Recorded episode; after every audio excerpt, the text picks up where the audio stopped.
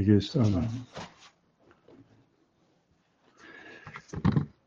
Dierbare gelovigen, we gaan verder met de catechismus, het artikel 10 van het credo van de apostelen.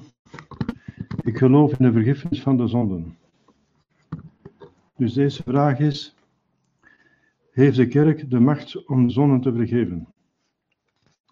Want dat was reeds een, eh, een, een heikelvraag, een struikelvraag, een, een belangrijke vraag in de tijden van toen Jezus nog op aarde was. En hij gaf de zonde, dan uh, zeiden de fariseeën, dat kan niet, die man uh, die last God, want alleen God kan zonde vergeven. En hij, hij vergeeft zonden. Ja, natuurlijk, juist omdat hij God is. maar je kunt dezelfde, je kunt hetzelfde zeggen van de kerk, en dat zeggen de protestanten van de kerk. Uh, zij aanvaarden de biecht niet. Hè. Zeggen, de kerk kan de zonde niet vergeven, alleen God kan de zonde vergeven. Ja, maar uh, het antwoord is, God, het goedheid delegeert God zoveel mogelijk van zijn werken. Als hij kan, doet hij het. Hij gaat sommige dingen niet delegeren, omdat hij het niet kan. Bijvoorbeeld de schepping. Uh, bijvoorbeeld de schepping van de ziel kan hij niet delegeren. De schepping van het lichaam, ja, dus dat wordt ook dat wordt, uh, gedelegeerd te zeggen. Dus de voortplanting van het lichaam wel. Dus hij gaat niet telkens een lichaam scheppen. Dus heeft dus de, de, de schepping van de mens heeft de mens daar laten deelnemen, dat is het ouderschap, zoveel mogelijk. Maar strikt genomen scheppen de mensen geen lichaam. Dus het is gewoon lichaam dat wordt verder gezet. En bij iedere conceptie gaat God wel de ziel scheppen. Maar het is toch een zekere medewerking met de schepping van de mens dan, voor zover dat mogelijk is. Dus God, als het mogelijk is, gaat hij delegeren. En dat doet hij ook met uh, het andere mooie werk, of nog mooiere mooiere werk uh, buiten de schepping, dat is de verlossing. Want de verlossing is van min oneindig naar plus oneindig. De schepping is van niets, van nul naar oneindig, naar de hemel. Maar de verlossing is van min oneindig, van de doodzonde naar plus oneindig, naar de hemel. Dus er is een groter werk eigenlijk dan de schepping. Dat gaat hij ook zoveel mogelijk delegeren. En de, het is nog steeds God die de zonde vergeeft, maar hij heeft die macht aan de kerk gegeven om uh, ja, die vergiffenis te, te, regelen. Dus als de priester bijvoorbeeld een absolutie geeft, of de priester doopt iemand, dan is het uh, de priester die doopt natuurlijk, maar het is wel God die de genade geeft en die de zonde weghaalt. Telkens. Hè? Dus als de priester de absolutie geeft, dan, uh, dan gaat het wel Jezus zijn die de zonde vergeeft, maar hij gebruikt wel de priester als een instrument. Dus de priester gaat zoveel mogelijk daar ook mee meewerken. Dus in die zin kan de kerk de macht, de, de zonde vergeven. Uh, als instrument. Het is altijd God die de zonde vergeeft. Maar hij gaat dus uh, ja, via een derde werken als uitgoedheid. Wat een goed om mensen laten nemen aan mooi werk.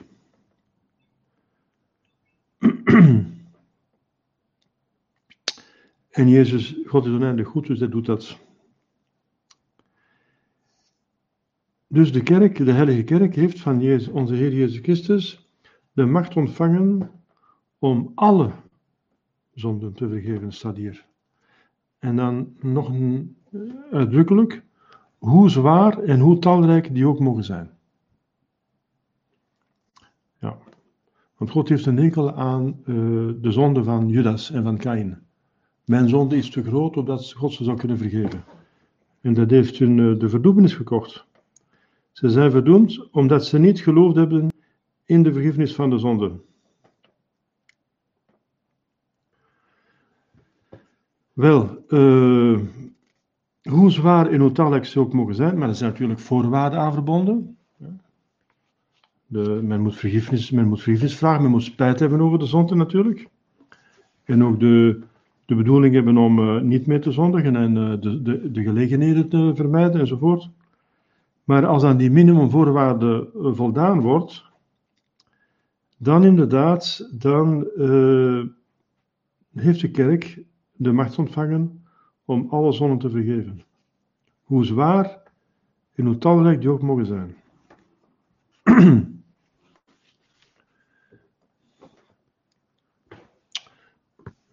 Dus dat is dan een buitengewoon macht. Dus die, die, die, die, goddelijke, goddelijke macht die Jezus gedelegeerd heeft aan de kerk.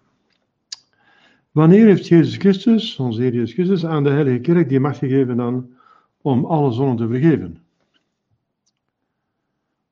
Wel, uh,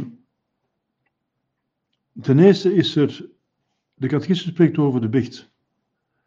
Maar uh, het allereerste is natuurlijk het, uh, het doopsel. Doopsel.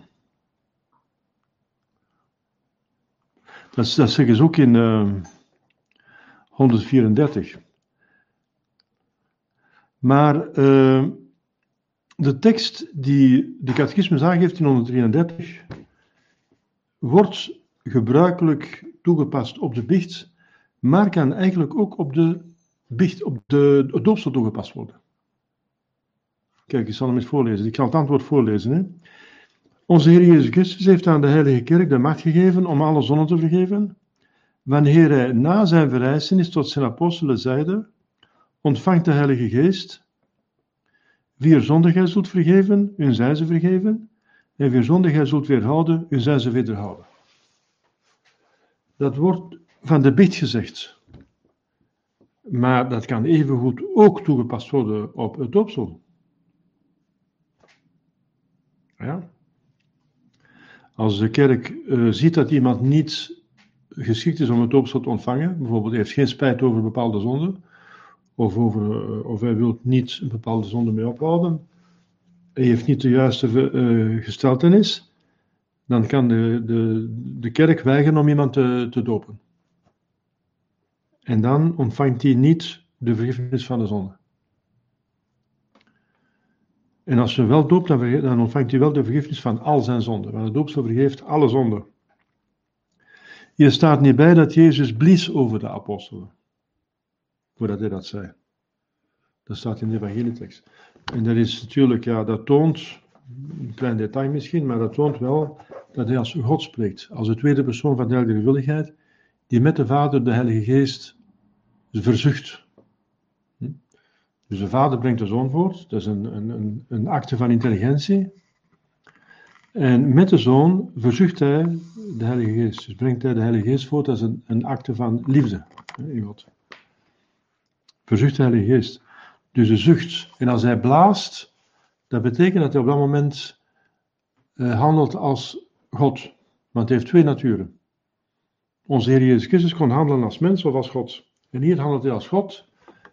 Want, en hij toont dat door ook, dus dat is als tweede persoon verzucht hij de Heilige Geest en hij blies over de apostelen. Dus hij deelt zelfs die Heilige Geest mee aan de apostelen. Hij zucht die Heilige Geest over de apostelen. Hij blies over de apostelen en hij zegt: ontvangt de Heilige Geest. Waarom kunnen de apostelen die Heilige Geest ontvangen? Omdat ze Jezus in hun ziel hebben. Ze hebben Jezus geloofd en ze doen wat hij vraagt en dan komt hij in hen wonen. En als Jezus in hun ziel is, komt ook meteen de Heilige Geest. Want die is onverbrekelijk on, uh, met de tweede persoon verbonden. Maar de tweede persoon brengt altijd de Heilige Geest voort. Dus het is normaal dat Jezus na zijn verrijzenis, als ze dus uh, uiteindelijk zich bekeerd hebben, want ze hebben zwaar gezondigd door niet uh, geloven in zijn verrijzenis. nu zijn ze in orde, hè, ze hebben zich bekeerd. Ze hebben spijt ge gevraagd, ze, hebben spijt gehad, ze hebben vergiffenis gevraagd. Zoals Thomas zegt, uh, Heer, mijn Heer en mijn God, toen hij Jezus zag verschijnen. En, wel, en dan krijgen ze dus, dan krijgen de Heilige Geest. En waarom de Heilige Geest? Wel, omdat de Heilige Geest uh, staat voor de liefde uh, in God natuurlijk, maar ook de liefde van God tegenover de schepselen. Wordt toegeschreven aan de Heilige Geest. Terwijl het toch die personen zijn die ons beminnen, want God bemint ons. Maar het wordt toegeschreven aan de Heilige Geest, zoals de schepping aan de Vader wordt toegeschreven en de wijsheid aan de Zoon, wordt uh, de barmhartigheid en de liefde aan de Heilige Geest toegeschreven. En dit is een buitengewoon werk van barmhartigheid. Want door de biecht en door, de, door de doopsel uh, raakt je dus inderdaad uh, je zonde kwijt. En dat is het belangrijkste voor de, van de godsdienst. Dat is trouwens het belangrijkste in een mensenleven. Dat je van je zonden afgeraakt. Omdat je dan je bestemming bereikt en anders niet. Dat is eigenlijk het belangrijkste van alles. Het belangrijkste van alles is van je zonde afgeraken. Wel, uh, dus dat is een werk van barmhartigheid, een buitengewoon werk van barmhartigheid. Ik zeg, het is groter dan de schepping. Hm? En het gebeurt voornamelijk door het doopsel en de biecht, dat wordt in de volgende vraag gezegd. Waarom staat dat voornamelijk? Wel, omdat er nog een derde mogelijkheid is, namelijk een acte van volmaakt berouw. Dus als er iemand die de kans heeft om gedoopt te worden, want hij kent het niet, bijvoorbeeld iemand die nooit van de missionaris heeft gehoord, of van de kerk, uh, die nooit heeft gehoord van de vergiffenis van de zonde uh, van onze Heer Jezus Christus, wel, die, ja, die kan nog, of iemand die geen kans heeft om, om te biechten, na zijn doopsel, en hij is bijvoorbeeld verongelukt, en er is geen priester die, kan, op, die op tijd kan komen, dan kan hij nog vergiffenis bekomen op een derde manier, na het doopsel en de biecht, dat is door een volmaakte akte van berouw. Want de volmaakte akte berouw, die houdt een akte van liefde in tot God. En de liefde is tegenovergestelde van de haat. En uh, vermits een doodzonde uiteindelijk uh, haat is tegenover God, uh, zal die liefde de haat vernietigen, want het zijn twee tegengestelde, liefde en haat. En het is zoals water en vuur. Dus ze kunnen niet samen bestaan. Als het vuur te sterk is, dan verdampt het water. Als het water te sterk is, dan uh, wordt het vuur geblust. Maar ze kunnen niet samen bestaan. En wel is ook zo met uh, liefde en haat. Dus als de liefde sterker is, als er een acte van liefde gesteld wordt, dan is alle haat weg. Dan is alle doodzonde weg. Als je in staat van genade zet, in staat van liefde, met God, vriendschap, en je doet een doodzonde, is die liefde weg. Je staat van genade weg. Weet je? Dus dat is wel uh, ook zo. Dus daarom staat hier voornamelijk. dus uh, hoofdzakelijk. De Heilige Kerk vergeeft de zonde voornamelijk door de sacramenten van doopsel en van de biecht, nummer 134. Nu, ik ga terug naar 133, want er is nog een element. Uh, het is een zeer compacte tekst. Zit heel veel in, bedoel ik, in weinig woorden. Er staat, wie je zondigen uh, zult vergeven, nu zijn ze vergeven, maar wie zondigen zult weerhouden, nu zijn ze weerhouden. Dat betekent dat de kerk dus degenen die die macht krijgen, dat zijn de bisschoppen en de priesters. Dat is alles. Dus niet de diaken, dat houdt niet op. Dus men moet minstens priester, minstens priester zijn om de, dat, we, dat we mogen doen. Dat heeft Jezus nog geregeld nadien. Want hij was 40 dagen uh, bij zijn apostelen tussen zijn verrijzenis en zijn hemelvaart. En hij sprak over de organisatie van het Rijk Gods. Dat staat in de Heilige Schrift. dus het is. Uh, gewoon ja, een dogma, een onfeilbare leer, dat staat ook in het concilie van Tente, dat alleen de priesters en de bisschoppen de zonde mogen vergeven, kunnen vergeven, als sacrament. Wel, uh, dus iedereen kan dopen in geval van nood, dat wel, hè? maar dat kun je maar eenmaal ontvangen. Je kunt hem maar eenmaal ontvangen, want het geeft een onuitwisbaar merkteken. Maar na, wie na het doopsel, dus zondig, die, die is alleen maar aangewezen op de biecht. En ondertussen dat hij kan biecht natuurlijk op die volmaakte akte van berouw. Uh, dus de priester of de bisschop die moet hier kunnen oordelen of dat hij het nu gaat vergeven of niet gaat vergeven. Want ze hebben de macht om te vergeven, maar ze hebben ook de macht om, om te zeggen: Ik vergeef u niet. In, uh, Natuurlijk moeten we zoveel mogelijk proberen de zonde te vergeven, want Jezus is daarvoor gekomen en heeft daarvoor zijn leven gegeven. Zoveel mogelijk de zondaars. Je bent gekomen om de zondaars te redden. Dus je moet niet zomaar iemand weigeren. Uh, die, de, die, dat mocht je niet. Dat is onmogelijk, dat is ondenkbaar. Dat iemand die aan de voorwaarden voldoet, dat de kerk die weigert. Dat is ook de bedoeling niet. Dan zou die priester zondigen. En dan zou die, die bichteling het recht hebben om naar een andere priester te gaan, om daar wel de absolutie te krijgen. Maar het is met het feit dat die, eh, de kerk oordeelt, dat uh, objectief dus, dat het een werkelijkheid is, dat die bichteling niet aan de voorwaarden voldoet, dat er bepaalde voorwaarden ontbreken, opdat die uh, zijn zonden zouden kunnen vergeven worden. Bijvoorbeeld dat hij bepaalde zonden, dat hij daar, die wilt blijven doen. Ik heb zo'n geval gehad iemand die vier doodzonden wou biechten, zegt ik heb drie doodzonden die ik wil verbeteren, maar die vierde, die vrouw wil ik niet laten. Voilà. Dus kunt je mij die drie zonden vergeven? Ik zeg nee, het is alles of niks. Hoe kunt u nu zeggen, God, voor drie, voor drie punten ben ik uw vriend en op één punt blijf ik uw vijand? Het is, dat gaat toch niet? Dus je, blijft God dodelijk uh, beledigen. En je, begint, begaat een doodzonde als je dus in die doodzonde blijft zitten. Want een absolutie vergeeft alle zonden. Alle zonden worden vergeven, tenminste alle doodzonden. De dagelijkse zonden, alleen die dagelijkse zonden die gebicht worden. Maar een dagelijkse zonde is niet een, uh, niet een zo groot probleem als de, de doodzonde. Want de doodzonde geeft u de hel, de dagelijkse zonde, ja, die geeft u nog de, het vagevuur, maar je gaat toch nog naar de hemel. Alhoewel het vagevuur uh, pijnlijk is. Hè? Dus het is ook goed om de, de dagelijkse zonde natuurlijk te bichten. Hè? Maar we gaan later nog over de bicht hebben, dat komt later. Hier gaat het maar gewoon over de vergiffenis van de zonde, want de bicht wordt nog helemaal uitvoerig behandeld, en het doopsel bij de sacramenten. De leer over de sacramenten. Hier gaat het over het tiende artikel van eh, het, uh, het geloof. dus de priester moet kunnen oordelen. Als iemand bijvoorbeeld uh, dus een bepaalde zonde niet wilt laten, of hij heeft geen echt berouw, je bent niet verplicht om berouw te voelen, want daar heb je geen, geen imperium over, heb je geen beheer over, geen, geen regering over. Daar regeert je niet over, over je gevoelens.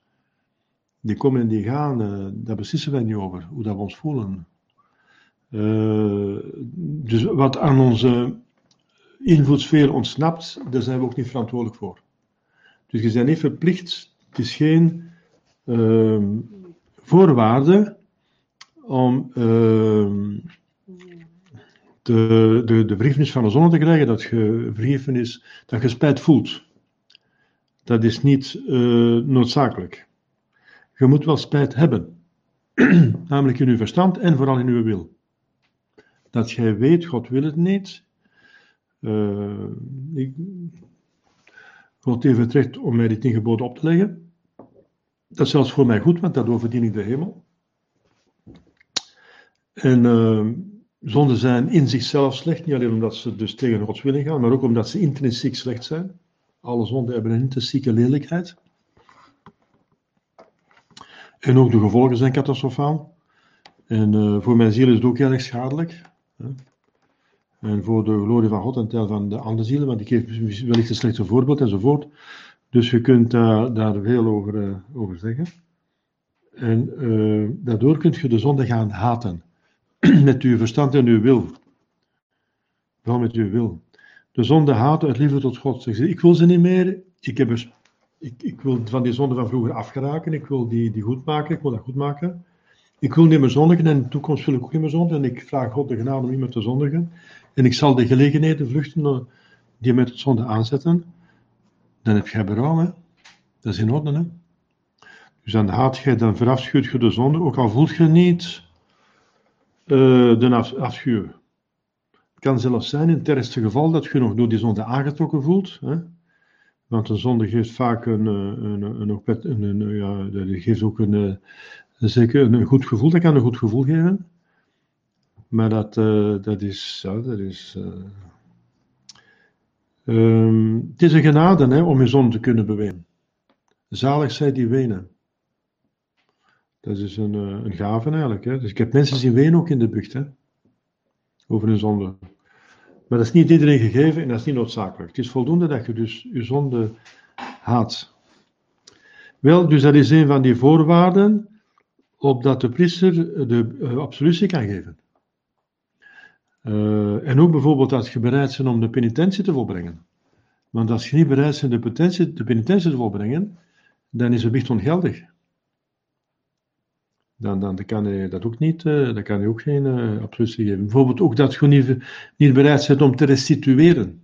Als, men, als je gestolen hebt of onrechtvaardig bent geweest. Men moet restitueren als men gezond heeft tegen de rechtvaardigheid. Dus goed maken. Het terug maken. Bijvoorbeeld als men gestolen heeft, moet men teruggeven. Tenminste als men kan. Hè. Men is niet gehouden tot onmogelijke, maar zo gauw als men kan. En wat men kan, moet men teruggeven. En zo, zo vlug mogelijk.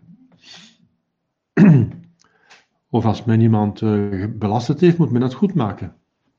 Bij die mensen, uh, uh, tegenover wie men niemand anders gelasterd heeft. Dus men moet beloven van het goed te maken, want anders kan de priester ook weer geen vergiffenis geven.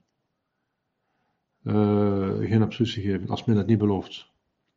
Dus er zijn verschillende voorwaarden verbonden aan een, uh, dat, dat God vergeeft, dat God de zonde vergeeft. En dat is juist de dwaling van Vaticaan II. Hè? En van bijvoorbeeld uh, de barmhartige Jezus van zuster Faustina. Die, die zo gezegd, uh, ja, de barmhartige Jezus, maar er wordt nergens gesproken over spijt. Nergens wordt er gesproken over dat je spijt over de zonde moet hebben, dat je de, de gelegenheden moet vluchten. Jezus zelf zegt tegen die vrouw, overspelige vrouw, want die moest normaal gestenigd worden volgens zijn eigen wet. De wet door God gegeven aan Mozes moest een overspelige vrouw of man die op heden dat betreft werd, die moest gestenigd worden. Dat, dat, dat betekent dat het een doodzonde is. Dus in het Oude Testament werd iemand gedood om te beduiden, het is een doodzonde.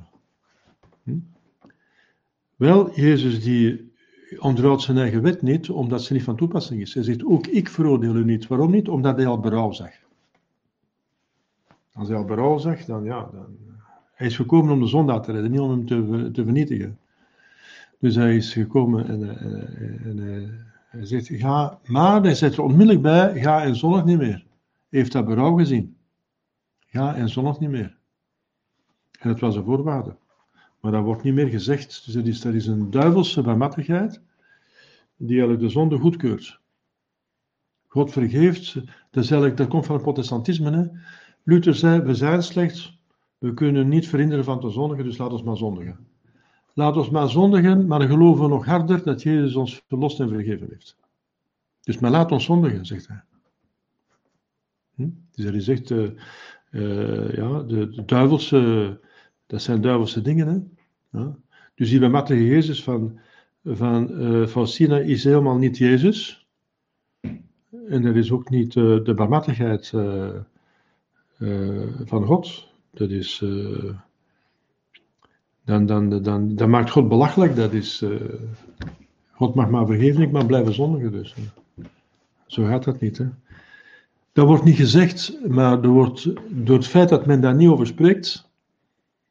Uh, dat, is een, dat is een zeer belangrijke. want als men niet spreekt over iets wat de mensen ja, het lastig, enfin, lastig vinden, dan gaan ze het niet meer doen. Hè? Dus dat is toch, dat is toch vanzelfsprekend. En de mensen vinden het lastig om te beloven en iemand te zondigen, natuurlijk. Dat is een inspanning. Ze zouden het beter hebben, ja, ik ben er vanaf en ja, ik zal wel zien wat ik nog doe. Dus uh, dat hebben ze veel liever. Hè? Dus als je niet spreekt over iets dat de mensen lastig vinden, ja, dan, dan gaan ze het niet uit zichzelf. Uit zichzelf gaan ze het niet doen. Dus het feit dat die verschijning daar niet over spreekt, over dat je spijt moet hebben, dat je moet restitueren, eh, dat je de gelegenheid moet vluchten, de gelegenheden moet vluchten van zondigen, ja, dan, uh, dan komt er ook niks van terecht natuurlijk. Hè. Dus er is weer een duivelse list. Dus uh, dat is hier dus heel belangrijk hier. Uh, die laatste zin van 133, dat de, de kerk moet onderscheid maken tussen zonden die te vergeven zijn en niet te vergeven zijn.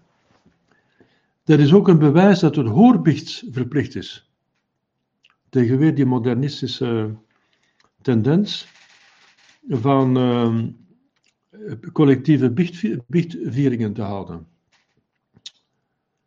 Dus de mensen komen samen ergens in de kerk. En er zijn allerlei varianten. Er zijn er die op een brief kunnen een, een zonde mogen uh, optekenen. En dan wordt er in een uur gestopt en dan wordt die verbrand. Dus er zijn allerlei varianten. Dus uh, iedereen mag zijn eigen liturgie uitvinden eigenlijk. Hè. Dat is uh, toegestaan door het Concilie Vaticaan II. Het, uh, je zou eigenlijk moeten spreken van Concilia Bulle. Dat wil zeggen dat is een concilie dat, een, um, dat geen echt concilie is.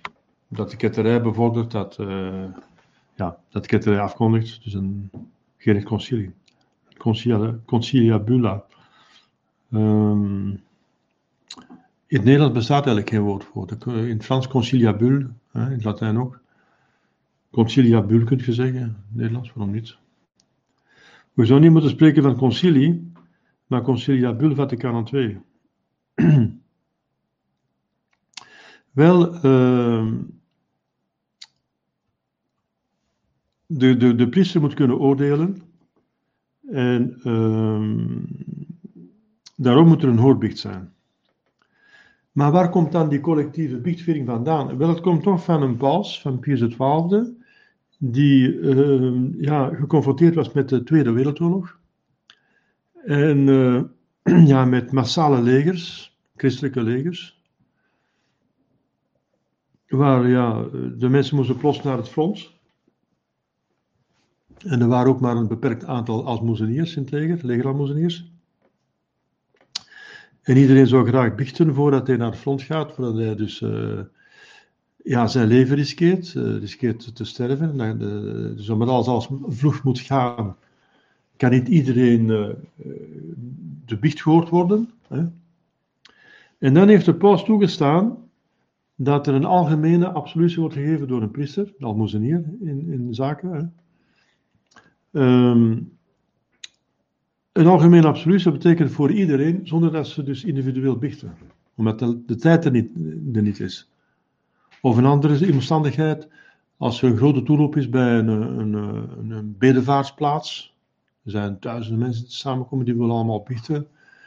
En er zijn niet genoeg priesters, dan kan dat ook zo gebeuren. Dus als er veel mensen willen bichten, en er zijn een gebrek aan priesters en een gebrek aan tijd, dan stond de paus toe, Pius XII, dat er dan een algemene absolutie werd gegeven. Maar dat is ook onder voorwaarden. Dus hij geeft een absolutie, maar eerst moeten de mensen die die absolutie willen ontvangen, die moeten uh, berouw hebben over hun zonde, over hun doodzonde vooral. Dus ze moeten eerst een gewetensonderzoek doen en dan berouw hebben over hun doodzonde. En dan geeft hij, want dat is altijd de materie van de biecht. De materie van de biecht is uh, een berouwvol hart. En de vorm is de woorden en de, de handeling van de priester. Je hebt vorm en materie bij iedere uh, sacrament. Wel, dus je moet wel berouw hebben over je zonde. Dus dat wel, want anders uh, is er niks. Dat is evident. Zonder berouw is er geen vergiffenis. Dat is fundamenteel. Maar met berouw worden alle zonden, hoe zwaar en hoe tallig ook ze zijn, worden vergeven. Met berouw, ja. Dus als die mensen dan, dat is dan de voorwaarde, ze moeten eerst hun doodzonde voor ogen stellen en daar berouw, spijt over hebben. En dan heeft die priester de absolutie zijn die zonde vergeven op voorwaarde dat ze bij de eerstvolgende gelegenheid toch ook privé gaan biechten. Dus er zijn, er behoren dan twee biechten bij. Dus die algemene absolutie die staat niet apart. Maar dat wordt allemaal niet meer gezegd. Hè? Dus ze, de modernisten hebben daar misbruik van gemaakt. Dat is een van de tactieken van het modernisme. Om van een uitzondering een algemene regel te maken. En bepaalde voorwaarden te laten vallen. Dus wat gebeurt er nu? Er wordt niet meer gezegd dat je, dat je over al je doodzonden moet spijt hebben. En als het dan wordt nog gezegd, dan wordt er niet gezegd, uh, in ieder geval, dat je nadien nog een hoorbicht, een persoonlijke hoorbicht moet spreken. En dan, uh, ja, dat maakt de hele zaak dus, uh, ja, dat is een misbruik. Dat is een misbruik, want dat was niet de bedoeling van de paus. En dus waar het gebeurt in die parochies, gebeurt dat waar gemakkelijk de mensen privé kunnen gaan biechten bij die priester. Maar die priester doet het uit gemakzucht en om het de mensen gemakkelijk te maken. De mensen zoeken echt naar de gemakkelijkheid. Dan moeten ze niet meer hun zonde zeggen in de biecht. Maar ze moeten het wel. Want de paus zei, nadien moet je het nog wel, maar dat wordt dan overgeslagen. En ze moeten, zijn, dus het is gewoon totale misbruik. Dus het gebruik dat door de kerk is toegestaan, is wat ik u zei. Dus onder de voorwaarde dat je spijt hebt over de zonde en dat je nadien nog gaat biechten. Maar de, de, de, de, het misbruik van de Vaticaan II, of nou, van de conciliaire secte, is dat ze dus de algemene absolutie geven als er geen noodzaak voor is, want er, zijn, er is genoeg tijd om iedereen te biechten, bijvoorbeeld tegen Pasen of zo. En, uh, dan, en dat dus, uh, ze niet verplicht zijn om, er wordt niet gesproken over nadien noodbicht. We kunnen het zelfs nagaan. Hè? in veel biechtstoelen, als je daar in de kerk naar de biechtstoel gaat kijken, daar staat kuisgeriest in. Daar zitten spinnenwebben in, er is vuil, daar, is, uh, daar zitten open boekjes, zangboekjes of liturgische boekjes die nog niet meer gebruikt worden of zo. Of, dat is gewoon een hok geworden, een, uh, een hok geworden waar ze spullen in kwijt doen. Ja. Dus ik heb al van alles gezien in biechtstoelen. Het is zeldzaam dat je nog biechtstoelen vindt die nog proper, die nog gebruikt worden, blijkbaar. Uh, ja, dat wil niet zeggen dat er geen persoonlijke biecht is, want vaak is er geen persoonlijke biecht. Dus ze hebben niet de biecht durven afschaffen. Want dat zou te goddelijk zijn. Want het staat in, het in, in Heilige Schrift. Het staat in de catechismussen. Maar ze hebben de biecht gewoon in onbruik laten vallen. Ze de mensen komen gewoon niet. Natuurlijk, omdat ze er niet meer gezegd hebben dat het verplicht is. En, uh, dus, uh, en terwijl de biecht eigenlijk het belangrijkste is van allemaal. Uh, als men met een doodzonde zit, dan kan men niks meer goed doen. Zonder, want dan zit je zonder Jezus. Dan is Jezus niet meer in uw hart, dan is Jezus weg. God is weg. Dat is juist de doodzonde. God zit niet meer in uw ziel. En Jezus zegt, zonder mij kun je niks doen. Met het oog op de eeuwigheid natuurlijk.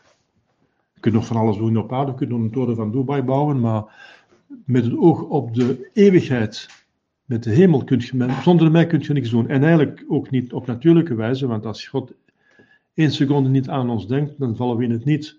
Maar ja, even dan wel vooral over de bovennatuur. Zonder mij kun je niks doen. Dus als je niet in staat van genade bent, kun je geen verdiensten hebben. Niks.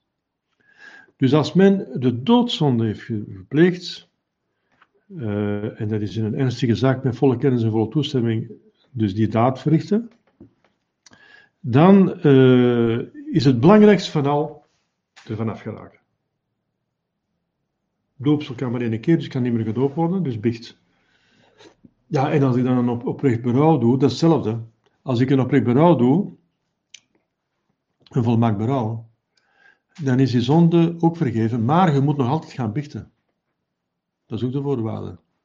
Je moet nog steeds gaan bichten en je mocht de communie niet ontvangen voordat je gebicht hebt.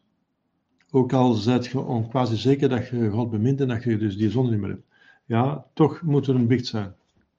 En vermits dat je verplicht bent van ieder jaar te gaan, de communie te gaan, moet je bichten. Daar raakt je niet tussenuit. En, eh, of, ofwel sterf je dus ondertussen. En dat is zeer gevaarlijk, want je bent niet zeker dat je vergifnis hebt bekomen, dat je dat goed gedaan hebt. Maar het probleem van dat volmaakt berouw is dat je niet, niet zeker bent. Want in de biecht is de priester die oordeelt en jij niet. Hij heeft een absolutie gegeven van de kerk van Jezus, het is goed. Ik heb gedaan wat ik, eh, wat ik kon en als je doet wat, wat je kunt, dan doe je wat je moet. Maar als je zelf een acte van berouw doet, dan moet je zelf beslissen, heb ik het nu goed gedaan of niet goed gedaan. Ja, en dan kun je vergissen. Hè? Paulus zegt, wij zullen onszelf niet oordelen. Het is Jezus die ons oordeelt. Hè? Ik ben me van geen kwaad bewust, maar ik kan niet ik kan dat ik naar de hemel ga. Dat weet hij niet. Hij gaat niet over zichzelf beslissen. Dus we moeten uh, niet te zeker zijn van onszelf. We moeten objectief zijn. Het is Jezus die oordeelt. Hij zal komen om te oordelen, levenden en doden. Zo, dus in die ene vraag zit er dus geweldig veel.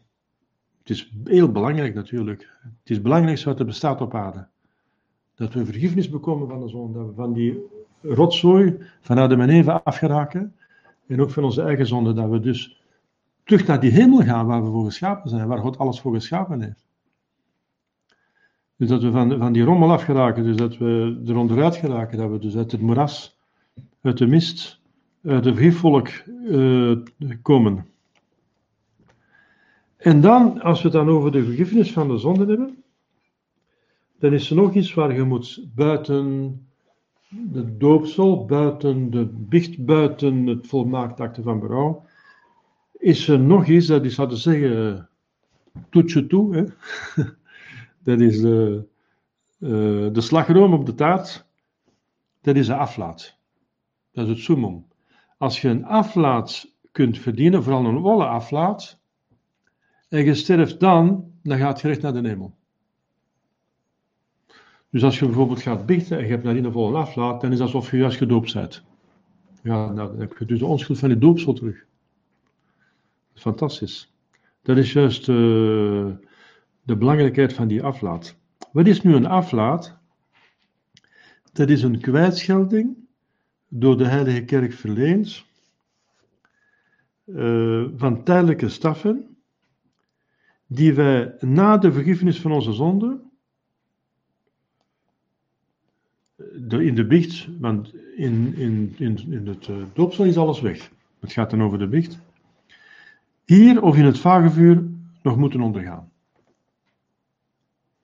Dus ik herhaal er is een kwijtschelding door de kerk verleend, dus door de paus of zijn gedelegeerden, de bisschoppen.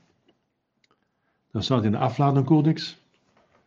Van tijdelijke staffen, dus niet van de eeuwige staf. Niet van de helle staf. Van de helle staf raakt je pas kwijt door, door doopselen of biecht. Dus om een aflaat te verdienen moet je staat van genade zijn. Dus van tijdelijke staffen. Dus staffen die hier nog moeten uh, uitgeboet worden, ofwel in het vagevuur.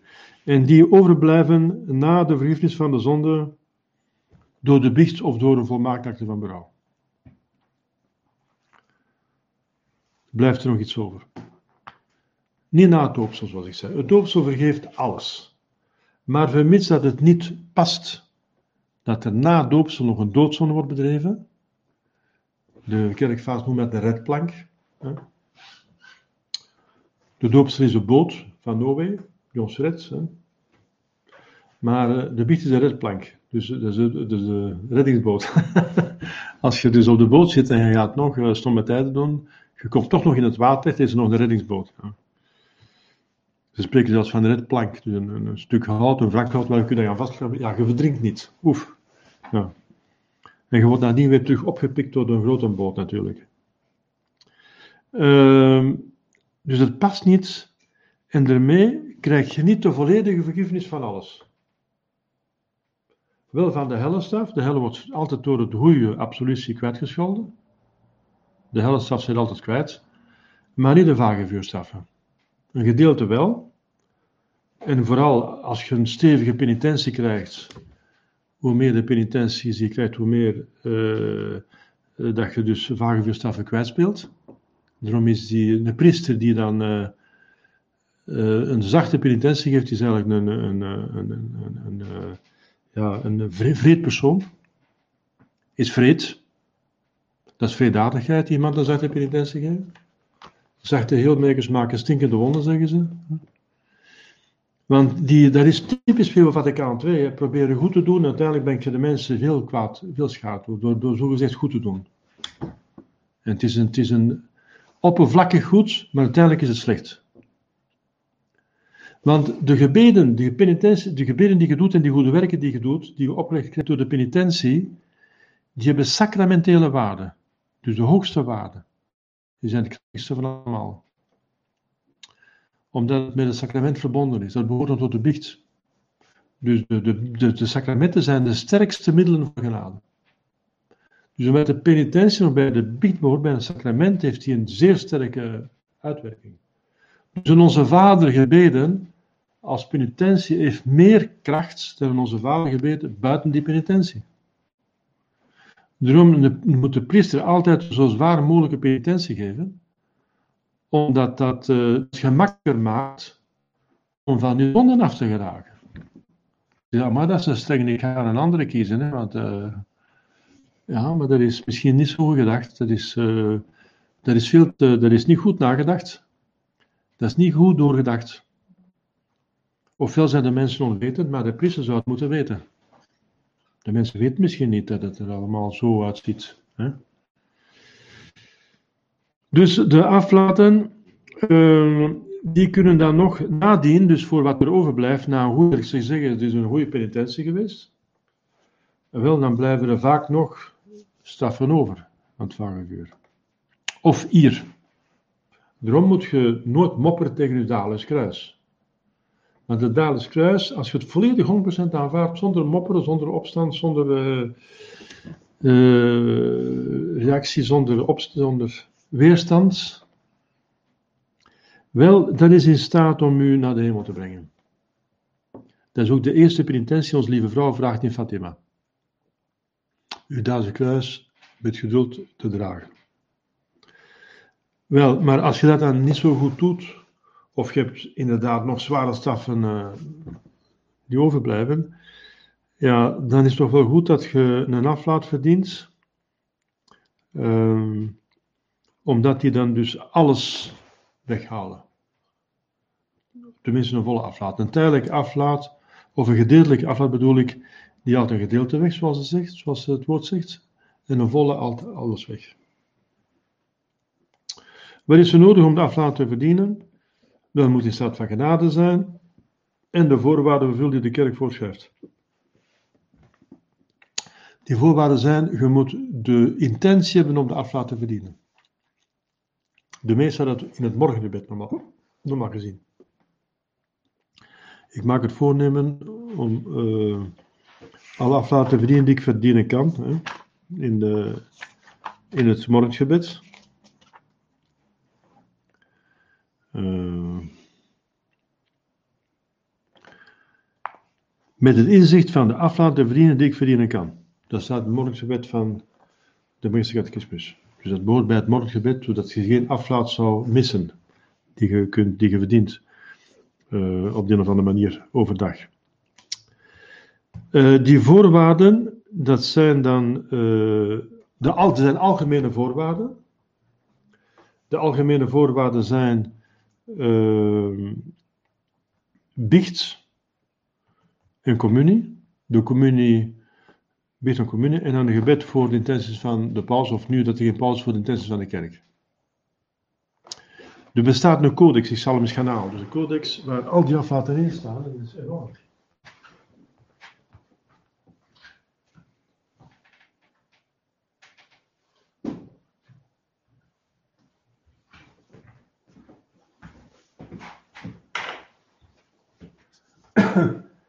dus aflatencodex. Eigenlijk zou ieder geloven dat moeten hebben. Hè. Maar dat zijn uh, 580, 600 bladzijden. Ja. Nieuwe authentieke, dat is in 41. En je moet oppassen. Want dat is veranderd in 69, in, uh, uh, nee, in 99. Ehm, in 1999 heeft Paulus VI de aflaten veranderd. En ook de voorwaarden. En omdat Paulus VI geen. Uh, nee, wat zeg ik nou? Dat kan niemand, hij leefde toen nog niet. Uh, hij was toen dood, bedoel ik. Hij heeft het veranderd in de loop van zijn leven. En in 1999 heeft Johannes Paul II het nog eens een keer bevestigd. heeft het nog eens een verandering aangeboord gebracht. Nee, 1999 was Johannes Paul II. Paulus VI heeft, ik ben het jaar kwijt, misschien 69. Ik ben het jaar kwijt, dat is ook niet belangrijk. Want als je maar weet dat vanaf de ketterij van Paulus VI, en dat is in 65, nee 64 zelfs, 21 november 64, dat hij alle pauselijke macht kwijt. Dus alle aflaten die van na 64 zijn, zijn nog geldig. Maar hij heeft een nieuwe codex opgesteld, en nieuwe algemene voorwaarden, uh, ik denk in 69 nog eens een keer bekrachtigd door Johannes Paul II met nog toevoegingen voor het, uh, het millenniumjaar in 99. In ieder geval, dus het probleem is, de broederschap Pius die volgt dat. En dat is dus ongeldig, maar dat zijn antipaas. Dus is een, uh, en dan blijven die, die zielen op hun honger, want die krijgen dan geen aflaten. Dat zijn aflaten die ongeldig zijn, want men moet een paus zijn, men moet een macht hebben om te binden en te ontbinden.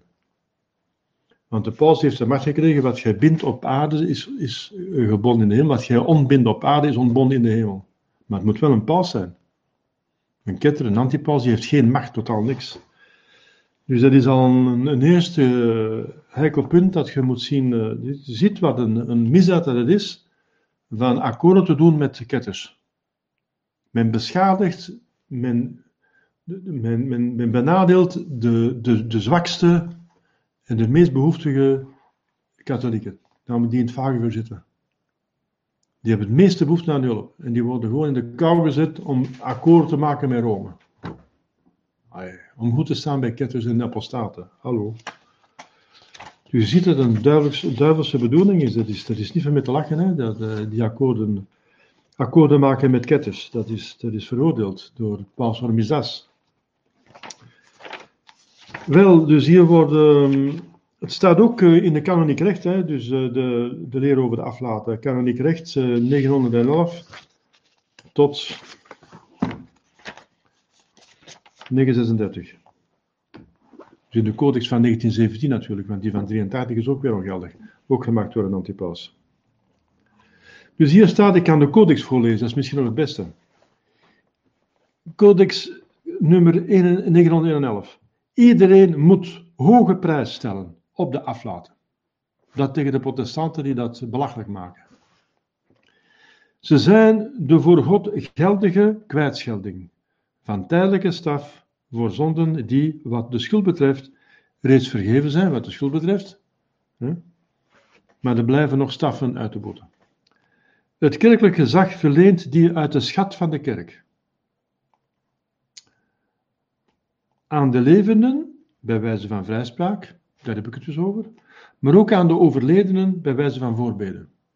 Dus een aflaat kan toepasselijk zijn op ons, daar heb ik het over gehad, doordat je dus je alles kwijtspeelt, dat je als je streft naar de hemel gaat, naar een volgende aflaat, maar je kunt het ook toepassen op de ziel in het vagevuur. En zet jij die dan beslist. Tenminste, dus bij de aflaat wordt ook gezegd, dit is alleen toepasselijk op levenden of alleen toepasselijk op overledenen, ofwel moet je kiezen. En als je kiest, moet je kiezen. Hm? Op wie dat je toepast. Op jezelf op een of andere ziel. Dus je kunt kiezen jezelf op een of andere ziel in het varenvuur. Op dat moment. Maar je, moet niet af, je kunt geen aflaat verdienen voor iemand anders die op aarde nog leeft. Dat kan niet. En dan uh, op alle zielendag genieten alle missen, alle missen het voorrecht van een geprivilegeerd altaar. Een geprivilegeerd altaar, dat is een altaar dat als de priester daar een mis doet voor een overledene, krijgt hij een volle aflaat. Dat is een geprivilegeerd altaar. Tijdens de dagen waarop in een kerk het 40 uur gebed gehouden wordt, dus dat wordt uh, juist voor de, voor de carnaval gehouden, juist voor de vasten, als eerste voor de zonde van de carnaval, zijn alle altaren van de kerk geprivilegeerd. Van die kerk. Waar een geprivilegeerd altaar is. Zijn alle andere altaren ook geprivilegeerd. Bij het uitgeven van boeken, boekjes, waarin aflaten voor verschillende gebeden of goede werken voorkomen, moet het voorschrift van 1388 onthouden worden. Dat wil dat moet goedgekeurd worden door de kerk. Dat moet nagekeken worden. Dan, zij die van de paus aflaten verkregen hebben, voor alle gelovigen, zijn verplicht op van ongeldigheid van de verkregen gunst authentieke afschriften daarvan aan de heilige penitentiarie voor te leggen. Dus als je van de paus uh, uh, dus gekregen hebt, bijvoorbeeld een bischop heeft die macht gekregen, dan moet hij dat kunnen bewijzen. Een volle aflaat voor feesten van onze Heer Jezus Christus of van de Heilige Maagd Maria is alleen bedoeld voor de feesten die in de algemene kalender voorkomen. Dus niet plaatselijke feesten van een bepaalde bisdom of van een bepaalde plaats. Een volle of gedeeltelijk aflaat voor apostelfeesten is alleen bedoeld voor een sterfdag. Dus als er staat voor de, op het feest van de apostelen op een sterfdag, niet op een, uh, op een andere dag, bijvoorbeeld overbrenging van reliquieën of zo, telt niet. Ehm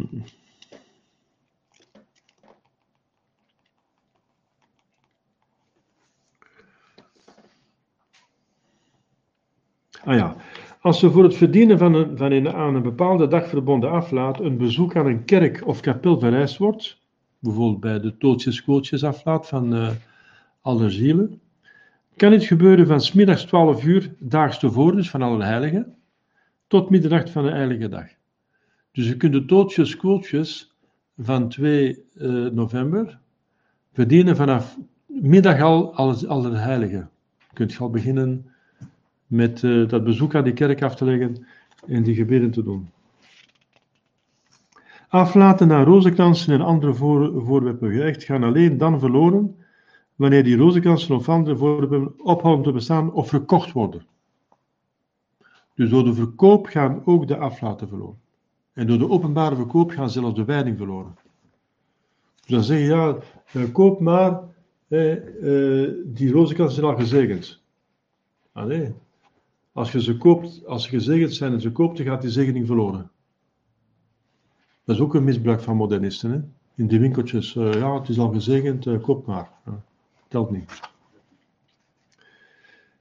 Uh, voilà, dus om dan de aflaat te verdienen, moet men dus gedoopt zijn, niet in de ban, ja, dat is evident, in staat van genade, tenminste bij het beëindigen van de voorgeschreven werken, en onderdaan van degene die de aflaten verleent. Ja, dus als dat bijvoorbeeld in een bepaald bizom is, moet je tot dat bizom behoren natuurlijk. Hè.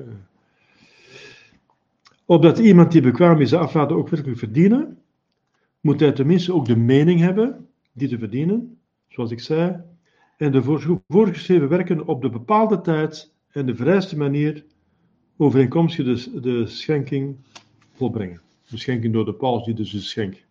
Van waar komen die aflaten? En wel, dat zijn verdiensten die bekomen zijn door onze Jezus Christus, door Maria, door heiligen en die overschieten. Bijvoorbeeld heilige Franciscus heeft meer uh, verdiensten bekomen dan voor zichzelf nodig was. Die komen zogezegd in een soort familieschat terecht, waar de paus kan uitputten, want die heeft de macht om te binden en te ontbinden, dat is ook de vader van de familie. De vader van, en die kan dus die aflaten dan uh, dus toepassen aan andere mensen. Daar komen die aflaten vandaan. Die, want die moet ergens betaald worden. Dat is, uh, dat is een schat, er is ergens een voldoening geweest. Hè? Zonder worden vergeven als een voldoening bekomen is. Uh, een volle aflaat kan men, tenzij het tegendeel uitdrukkelijk is bepaald, slechts eenmaal per dag verdienen. Ook al herhaalt men het voorgeschreven werk meerdere malen. Of het zou er moeten bijstaan, telkens als men dat doet. Bijvoorbeeld telkens men bijvoorbeeld een kruisweg bidt, dan krijgt men een volle aflaat. Dat staat ook bij telkens. Telkens men een roze hoedje bidt voor het sacrament, uitgesteld of niet, dan uh, bijvoorbeeld tabernakel, maar dan van een geldig, uh, geconsacreerd natuurlijk, hè, niet een modernistische tempel. Dan krijgt men ook telkens een, een, een, een volle aflaat. Een gedeeltelijke aflaat kan, tenzij tegendeel uitdrukkelijk bepaald wordt, meermalen daags verdiend worden. Dat wel. Uh,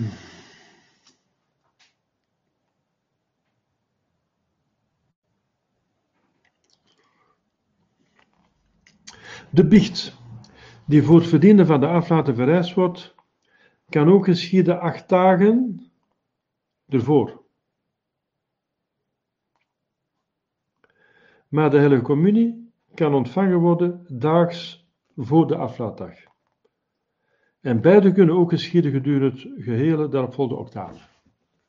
Dus als er gevraagd wordt, dus de gebruikelijke voorwaarden, dat is biecht en communie, maar wel, de biecht is acht dagen tevoren of acht dagen daarna. En de communisten een dag ervoor. Of uh, je hebt nog tijd tot een week daarna. Zo. Ziet je? Dus, uh, daarom is het goed van om de 14 dagen te biechten.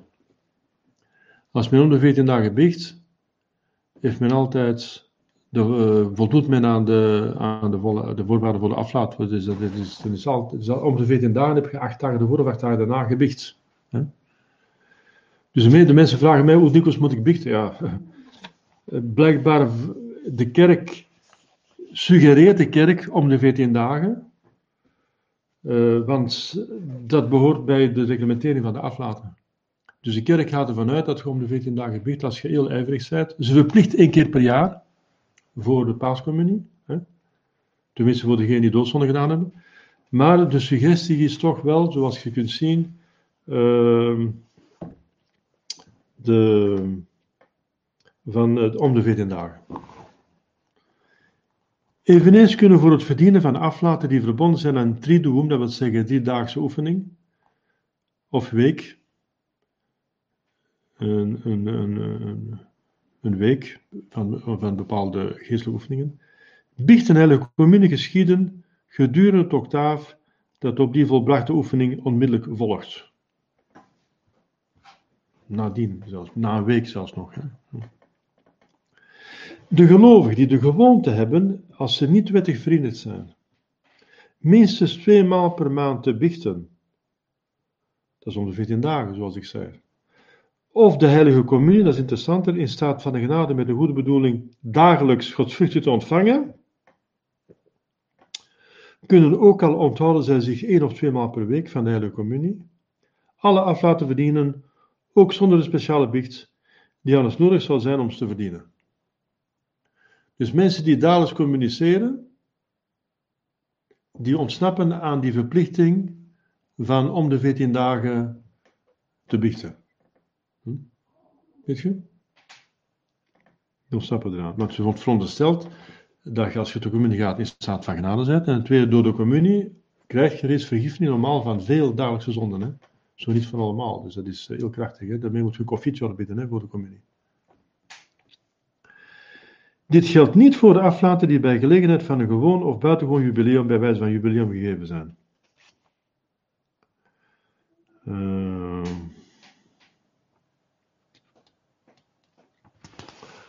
ja, dus een. Uh, ah ja. Als voor het verdienen van de aflaat in het algemeen een gebed ter intentie van zijn heiligheid de paus is voorgeschreven. Hè, uh, En dus staat in nota, de voorwaarde te bieden tot intentie van zijn heiligheid de paus wordt geheel vervuld door aan de overige voorgeschreven werken tot die intentie toe te voegen, eenmaal onze Vader, een weesgroet en een eer aan de Vader. Maar ieder gelovige is vrij, volgens kanon 934, een ander gebed te bidden, naar gelang ieders godsvrucht en liefde voor de paus. of voor de kerk, als er geen paus is. Zijn intenties van de kerk. Dus als er staat bidden voor de intenties van de paus, betekent dat de, de kerk raadt aan van aan onze vader, wees goed en een glorie zij de vader.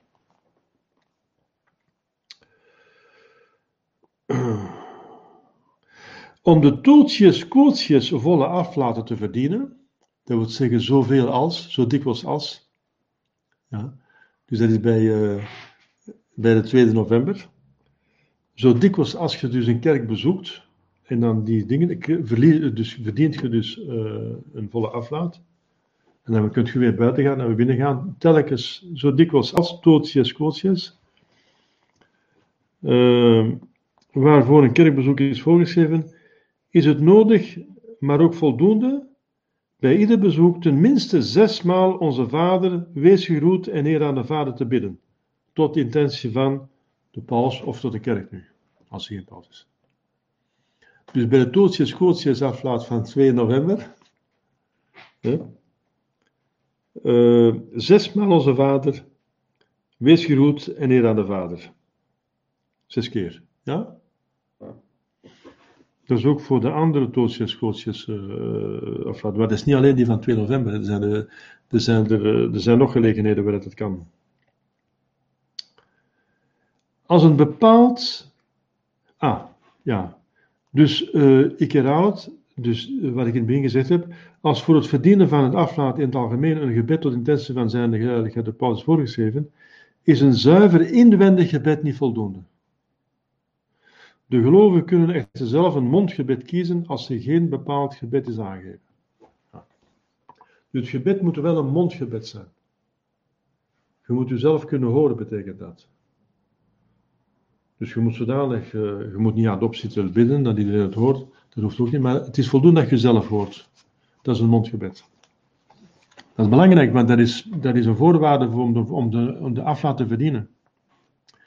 Als een bepaald gebed is voorgeschreven, kunnen de aflaten verdiend worden door het gebed te bidden, in welke taal ook, als tenminste uit een verklaring van de heilige penitentiarie, dus dat is de dicasterium, dat is dus de, dat is dus die afdeling van pauselijke administratie in Rome, die daarvoor gaat, voor de aflaten. Hè? De heilige penitentiarie.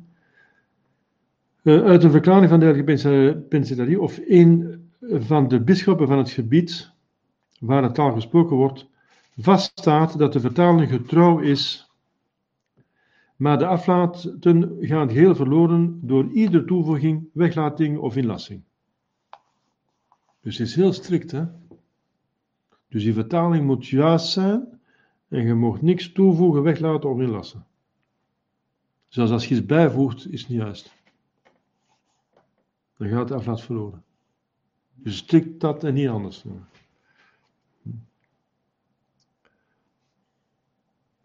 Ja. Om de aflaat te verdienen, is het voldoende het gebed afwisselend met anderen te bidden. Bijvoorbeeld als je een roosnoetje bidt voor het heilige sacrament, moet je afwisselen. Dan de ene bidt voor, dan de ander bidt voor, dat mag. Hè? Of met de geest te volgen als het door een ander gebeden wordt. De goede werken die voorgeschreven zijn voor het verdienen van aflaten, kunnen door de biechtvader veranderd worden voor hen die wettelijk verhinderd zijn de werken te volbrengen. Dat is heel belangrijk. Want er zijn mensen die niet meer naar de mis kunnen komen elke nacht, elke naar de communie kunnen hebben, of het biecht kunnen om de 14 dagen, omdat ze ver wonen. Uh, of de kruisweg doen. Ze kunnen in die kerken niet meer terecht, maar dat zijn tempels geworden van afval, afvalligheid en, en ketterij van, nieuwe, van protestantisme en van. Dat, is, niet meer de katholieke kerk. Die kerken zijn ontwijd. Dus daar kun je geen vol aflaat mee verdienen. Bij die, uh, bij die kruiswegen bijvoorbeeld. En wel, dan kun je dat thuis. Dan kan u de biechtvader zeggen: doe het, bijvoorbeeld, doe het dan thuis. Met een houten kruisje voor u, met een crucifix voor u. Dan kan de biechtvader het veranderen.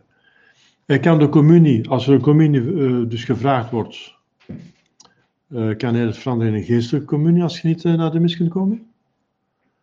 De biecht kan hij veranderen door een acte van berouw. En ja, dat kan. Zo. Dat zijn zo de belangrijkste voorwaarden voor de aflaten. Bijvoorbeeld, uh, het is interessant om te weten, ik, heb al gesproken van twee um, belangrijke middelen om volle aflaat te verdienen, namelijk uh, de kruisweg en het roze hoedje. Dat staat hierin. De kruisweg. Dat staat alfabetisch. Kruisweg. 164. Voilà. De kruisweg. Aan de gelovigen die afzonderlijk of gezamenlijk, tenminste met een berouwvol hart, de godvruchtige oefening van de kruisweg, wettig opgericht naar voorschrift van de Heilige Stoel, dus dat, dat door, een, door een bischop is opgericht, verrichten worden verleend. Volle aflaat telkens als zij deze oefening verrichten. En er staat hierbij onder de gewone voorwaarden. Dus, dus, dus er wordt niet verplicht dat je nog die dag moet communiceren of verplicht of nog een wet moet doen voor de paus of voor de kerk. Gewoon de kruisweg. En je de kruisweg door voor iedere statie te gaan en dan te overwegen wat Jezus daar geleden heeft. Er staat niet bij hoe lang dat je daar moet bidden en er worden ook geen bepaalde gebeden voorgeschreven. Bij kruiswegboekjes, gebeden, wordt zo'n onder vader voorgesteld en wees gegroet, glorie zij de vader, zo Maar dat is niet nodig voor de volle aflaat. Het is voldoende dat je nadenkt over wat Jezus geleden heeft, dat je er even over nadenkt, en je spijt over de zonde, en dan bij elke statie en je hebt een volle aflaat. Telkens. Weet je? Interessant hè?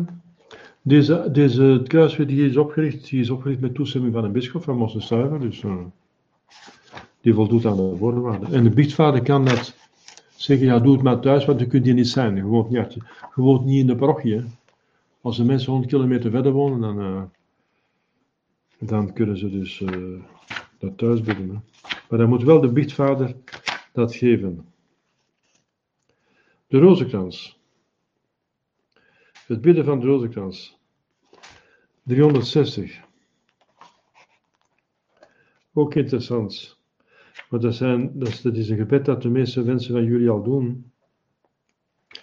Wel, aan de gelovigen wordt zo dikwijls een derde gedeelte van de rozenkrans, dat wil zeggen vijf tientjes bidden, Godvruchtig bidden verleend, vijf jaren aflaat. Als ze het samen met anderen in openbaar of afzonderlijk tenminste een derde gedeelte, dus de roze godvruchtig bidden, wordt verleend, tien jaren aflaat. En volle aflaat op de laatste zondag van iedere maand.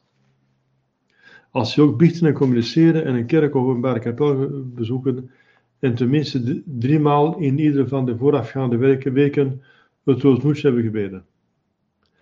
Aan hen die voor het Allerheiligste, openbaar uitgesteld of ook bewaard in het tabernakel, een roze hoedje, dus een derde van de rozenkrans, godvruchtig bidden, wordt telkens malen ze dit doen, dus klootjes, klootjes, verleend, volle aflaat. Als zij ook vergiffenis van hun zonde verkregen hebben, dus als ze in staat van genade zijn, en tot de heilige tafel zijn genaderd. Dus als ze in staat van genade zijn en ze hebben die dag uh, gecommuniceerd, is het telkens als zij roosnoes bieden voor het heilige sacrament, hebben ze een volle aflaat. Ook interessant om te weten. Hè? En de, de biechtvader kan dat veranderen in het, de tafelgenade, dus een geestelijke communie. En het sacrament voor het allerheiligste, bijvoorbeeld dat je dus denkt aan een, aan een tabernakel waar heel godsvruchtig, waar uh, geldig en waardig geconsecreerd geweest is. Bijvoorbeeld dit hier. Hè? Dat je daar denkt en dat je daar... Uh, of als je het ziet op het scherm, zoveel te beter. Hè? Maar dat is kan moeilijk aan het scherm. Ja, de biechtvader kan dan dus iets uh, voorstellen als vervanging. Ja. Dus hier zijn dus uh, 600 bladzijden met allerlei gebeden en werken die je kunt doen om, om te verdienen. Dat zou moeten uitdrukt worden. Dat zou iedereen moeten hebben. Want je begrijpt, dat is niet alleen voor die aflaten, maar dat zijn ook de mooiste gebeden van de kerk. Want de kerk verbindt daar juist aflaten aan, omdat het de mooiste gebeden van de kerk zijn. Er zijn hier gebeden. Uh, gebeden tot de allerheiligste drievuldigheid. De allerheiligste maagd, Maria, de engelen en de heiligen. Tot de ene en drieëne God. Schietgebeden, aanroepingen, oefeningen van de goddelijke deugden en van brouw Oefeningen van aanbidding en dankzegging, Godvruchtige oefeningen, gebeden. Tot, tot, tot, God de Vader, aanroepingen en gebeden. Tot God de Zoon, tot Jezus Christus, schietgebeden, aanroepingen, oefeningen, aanbidding, dankzegging. Toewijding, gebeden, treden van het allerheiligste naam van Jezus. Aanroeping, litanie, hymnen en psalmen, Godvruchtige gebeden, oefeningen en gebeden. Tot het goddelijk kind, Godvruchtige oefeningen, novenen, gebeden. Tot Jezus in het allerheiligste sacrament, schietgebeden, aanroepingen, eerbetuigen. Eerste heilige communie, Gebeden voor de hele communie. Dankzegging na de hele communie. Ah ja, het is een gebed na de hele communie dat de volle aflaat geeft. Hoe zoet uh, Jezus, uh, hoe zoet en goed Jezus. En dan voor u neergeknield, het aan de vijf vonden enzovoort. Dat, is ook een, uh, dat geeft de volle aflaat. Gebed tot bevordering van de dagelijkse hele communie. Oefening der geestelijke communie. Hymnen, ritme en sequentia. Godvruchtige oefeningen tot de gekruisigde Jezus, officies van het lijden van onze Heer Jezus Christus, oefeningen van aanbidding en dankzegging, de kruisweg, Godvruchtige oefeningen, gebeden van de vijf wonden van onze Heer Jezus Christus, uh, treden van het allerkostbaarst bloed, hè? Uh, Godvruchtige oefening gedurende de maand juli, daar zitten we nu volop in, tot de Allerheiligste Hart, het kleine officie, de litanie, de hymnen, het kroontje van het Heilige Hart, oefeningen van erestelling gebeden, door het Eucharistisch hart van Jezus. Smeekgebeden om verbetering van het, van het leven. Tot Christus koning. Toewijding van het mensdom. Tot de, heilige familie, Jezus, Maria, Jozef. Tot de Heilige Geest, aanroepingen, sequentia, hymne.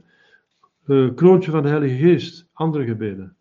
Tot de Allerheiligste Maagd Maria, klein officie, litanie van Rodette, lofzang, hymne, psalmen, godvruchtige oefeningen, Toontje van de twaalf sterren, de engel des heren, enzovoort. Tot onze lieve vrouw onbevlekt ontvangen, het kleine officie van onbevlekt ontvangen is. Godvruchtige oefeningen. Tot de moeder van smarten, uh, sequentia, Godvruchtige oefeningen, gebeden, alle zuiverheid van Maria. Hetzelfde. Tot onze lieve vrouw van de allerleidste rozenkrans. Uh, zoals zij vereerd wordt in het dal van Pompeii. Dat, dat is een prachtig gebed, maar dat is, dat is niet gekend. Hè? Smeekgebed op het middaguur. negendaagse en driedaagse smeekbeden voor uh, onze lieve vrouw van de Allerheilige Rozenkrans. Één of doen tot dankzegging. Tot onze lieve vrouw van de berg Karmel. Tot de Allerheilige Maagd vereerd onder verschillende titels. De moeder, onze lieve vrouw van barmhartigheid. Onze lieve vrouw moeder van de goddelijke voorzienigheid. Onze lieve vrouw van het cenakel. Onze lieve vrouw hulp van de christenen. Onze lieve vrouw koningin van de profeten. Onze lieve vrouw moeder van het, van het vertrouwen. Onze lieve vrouw eerherstelster. Onze lieve vrouw van het Allerheilige Sacrament. Onze lieve vrouw troosteres van de bedroefden. De, onze lieve vrouw tot de vrijkoping van de slaven. Onze lieve vrouw van Guadeloupe. Onze lieve vrouw bevrijdster. Onze lieve vrouw van alturende bijstand. Onze lieve vrouw van goede raad. Onze lieve vrouw van koningin van de vrede. Onze lieve vrouw moeder der wezen. Onze lieve vrouw moeder van genade. Onze lieve vrouw van bijstand. Onze lieve vrouw van la Salette. Onze lieve vrouw koningin van de apostelen. Onze lieve vrouw toevlucht van de zondaars. En dan de engelen tot de heilige aartsengel Michael, hymnen, Godvruchte oefeningen, tot de heilige Gabriel, tot de heilige Raphaël, tot een eigen engelbewaarder, tot een engel die Jezus in de hof van de lijven gesterkt heeft. En dan tot de heilige, de heilige Johannes en doper, de heilige Jozef, bruidegom van de heilige, ons lieve vrouw. Het kleine officie, litanie, hymnen, Godvruchte oefeningen. Tot de heilige apostelen, Petrus en Paulus, uh, Johannes, uh, Judas Thaddeus, Jacobus. Andere heiligen. Ter ere van de heilige Joachim, vader van onze lieve vrouw. Anna, moeder van onze lieve vrouw. Dus de grootvader, de grootmoeder van Jezus. Waar hij niks kan aan weigeren. Aloysius van Gonzaga, de heilige Ignatius van Loyola. De heilige Franciscus Saverius. Ter ere van Stanislaus Kotska. Allemaal gebeden met aflaten. Tot de heilige Johannes van het Kruis. Tot de heilige Pius V, paus en beleider ere van de heilige Camillus van Lellis, tot de heilige Michael de Sanctis, de heilige Paulus van het Kruis, de heilige Gregoris de Zevende, Paulus en Beleiden, de heilige Vicentius van Apollo, enzovoort. Ja, ik kan hier nog blijven, uh, nog een half uur. Uh, de Johannes Bergmans, Vicentius Ferrerus, uh, Alphonsus van Ligori, Lodewijk van Toulouse, Antonius Abt, Antonius van Padua, Johannes van Mata, enzovoort. de heilige Blasius, de heilige Stephanus, de heilige homo bonus, heiligen die we zelfs niet kennen. Er zijn aflaten aan verbonden. Uh, Johannes de La Salle, de heilige Dominicus, Paschalis Belon. Ja. En dan, dat is Matthäus deel, dan krijg je een tweede deel. Voor de overledenen. Officie van de overledenen. Psalmen en sequenties, Godvrucht oefeningen, de heldhaftige liefdesdaad. Als je de heldhaftige liefdesdaad doet, bijvoorbeeld als een priester dat doet, dan elke mis die jij doet voor een, voor een ziel, heeft zijn volle aflaat. Maar ik heb dat gedaan. Uh, dat heeft is dat je dus al uw aflaten afgeeft aan de zielen van, van het vagevuur. En dan vertrouwt je maar uh, dat het goed komt. de Eucharistische congressen, priester- en kloosterroepingen, voor priester- en kloosterroepingen, gebeden voor de missies onder de gelovigen, bekering van niet-katholieken, geestelijke oefeningen of de heilige missie voor het volk. De heilige, voor een goede dood. En dan verschillende gebeden. Bijvoorbeeld voor de, voor de paus. Gebed om van God heiligheid voor de geestelijkheid af te smeken. Alsof dat, in, dat is hard nodig, hè? Gebeden voor de geestelijken in krijgsdienst. Gebed voor, gebed voor kinderen. Gebed voor de uitgewekenen. Gebed voor weldoeners. Gebed voor de zieken. Gebed voor die in doodstijd zijn de aflaten van het heilig land, als je dat gaat bezoeken, hen die de heilige mis dienen. Hm? Gebeden na het opdagen van de gelezen heilige mis. Het bijwonen van een eerste mis, de priester, gewijde priesters, zijn allemaal aflaten aan verbonden aan al die gebeden. Ongelooflijk. Het kussen van de ring van paus, kardinalen of bisschoppen geeft een, een aflaat. Het kruisteken maken geeft een aflaat.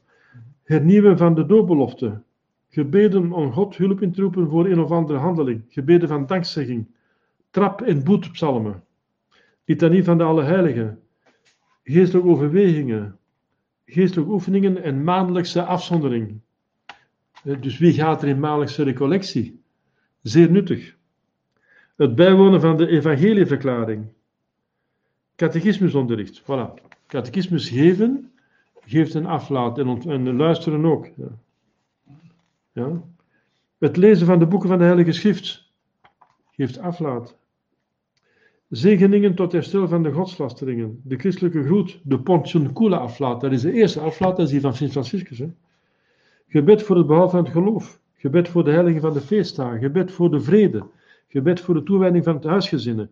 Gebed voor het uitgeven van goede geschriften. Uh, uitroeping bij het maken of herstellen van kerkschiraden en liturgische gewaden. Gebed voor de keuze van een levensstaat. Gebed om kuisheid te vragen. Gebed om de genade te verkrijgen van een heilig leven te leiden. Gebed tegen de kerkvervolgers. Gebed ten tijde van aardbevingen. Gebed ten tijde van een ramp. Covid-tijden. Covid-tijden, dat ik. En dan boek 2. Toen was het boek 1, hè? Krijg je boek 2. Ten gunste van enige klasse van personen. Dus aanroeping voor die priester willen worden. Ja. Gebeden voor alle clerici en anderen die in een dienst. Ja, ja dat is dan voor clerici. Ja. Gebeden door de priesters te bidden. Ja. Door kloosterlingen, door leraren. Door hen die studeren. Door kinderen te bidden. Door de jeugd te bidden. Door de echtgenoten voor zichzelf te bidden. Gebed door de ouders voor hun kinderen te bidden. Gebed door de kinderen voor hun ouders te bidden. Dat zijn dus gebeden, het is heel goede krachtige gebeden waar aflaat naar verbonden zijn. Hè? En dan nog gebeden die verbonden zijn aan het bezoek van een heilige plaats in Rome. Of van heilige plaatsen in Rome. Um, voilà. Dat is het. Dus die, dus dat, is een, boek dat goud waard is, hè? letterlijk. Dat is, dat is een boek dat moet uitgebracht worden. Dat moet terug uitgebracht worden, zo vlug mogelijk. Ik vind dat dat. Uh... Ja, pas op, hier is iemand die zegt het bron van het geluk van Heilige Brigitta. Uh, daar moet je mee oppassen. Die beloften, dat is goed dat je erover spreekt. Die, die, die beloften van de Heilige Brigitta, die zijn, staan op de index. Die, die, staan die zijn verboden door de kerk, die zijn afgekeurd. De gebeden van Brigitte zijn heel goed en heel heilig. Die zijn fantastisch en dat, is, uh, dat geeft veel genade. Maar die beloften die eraan verbonden zijn, dat is door de kerk afgekeurd en verboden. Ook al staat er een imprimator bij van Sunes. Hè? Ja. Ja. Er staat bij sommigen een imprimator van Sunes bij, maar het, is, het staat gewoon op de index. En Sunes heeft daar een imprimator aan verbonden, maar Sunes is wel een vrijmetselaar. Dus laat u daar niet door. Uh... Maar het is goed van te bidden, hè? Het gaat uh, werkelijk naar de bron van, het, van, van alle genade, namelijk het lijden van Jezus. Dat is waar, het is een bron van geluk, hè? heet dat. Hè? Het is waar, het zijn heel krachtige gebeden en ze geven heel veel genade. Maar dat ze juist die genade geven. En dan zou je kunnen vragen waarom? Hoe komt het dat bijvoorbeeld sommigen wel dus beloften mogen en die beloften die zijn verboden? Bijvoorbeeld er zijn beloften verbonden aan de eerste zaterdag. De, de, de, de vijf eerste zaterdagen. En ook verbonden aan de eerste vrijdagen van het jaar, van, van de maand. Um, te volgen. Wel, wat is het verschil? En, en, en als je die gebeden van Brigitte doet, dan, dan is het plots uh, niet uh, van kracht. Wel, omdat die beloften die uh, gebonden zijn aan de eerste vrijdag en eerste zaterdag, ik zal ze erbij nemen, de beloften, beloften eerste zaterdag, bijvoorbeeld, belofte van eerste zaterdag, uh, de zaterdagen. Uh, eerste vrijdagdevotie staat hier, ja. ja. Ja, ik kan die dan nemen, want die staat hier dan uh, bij. Ja, de eerste vrijdag dan weer. Ja, kijk. Uh, De toewijding bestaat uit verschillende oefeningen die worden uitgevoerd op de eerste vrijdag van negen opeenvolgende maanden. Dus de negen eerste vrijdagen, we zitten nu in de eerste vrijdag van de maand, dus dat is interessant. Op deze dagen is er een persoon aan, uh, aanwezig.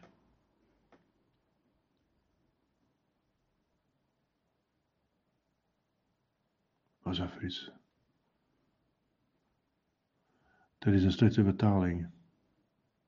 Dat komt van Engels en dat is slecht vertaald. Ik ga meteen naar het Engels, want anders uh, staat daar de verkeerde dingen in. Uh, het Engels. Dat is gewoon computervertaling, dat is niet goed. Maar plots zie ik het Engels niet staan. Het Engels, ja, English, hier hier, ja.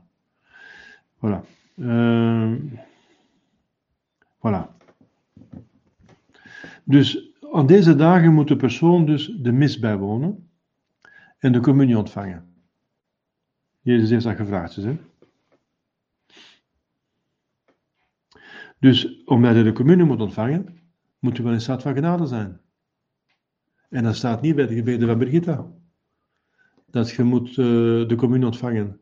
Dus er wordt niet geëist dat je in staat van genade bent door die belofte. En als je niet in staat van genade bent, verdient je niks. Ook al doet je wat er staat. Begrijp je? Dus die voorwaarden voldoen niet.